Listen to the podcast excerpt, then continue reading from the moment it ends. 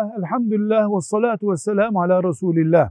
Kardeşimiz diyor ki kadın benim yabancım. Yani bekar olsaydı, ben bekar olsaydım evlenem, evlenmemiz caiz olacaktı şeklinde yabancım.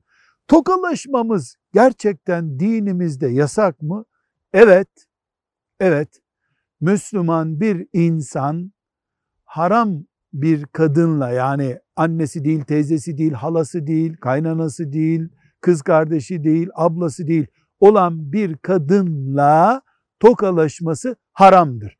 Bunun hiçbir olabilir tarafı yok mu? Olabilir. Ölümcül bir pozisyon olur. Olabilir. Ona zaruret diyoruz. Normal şartlarda haramdır. Velhamdülillahi Rabbil Alemin.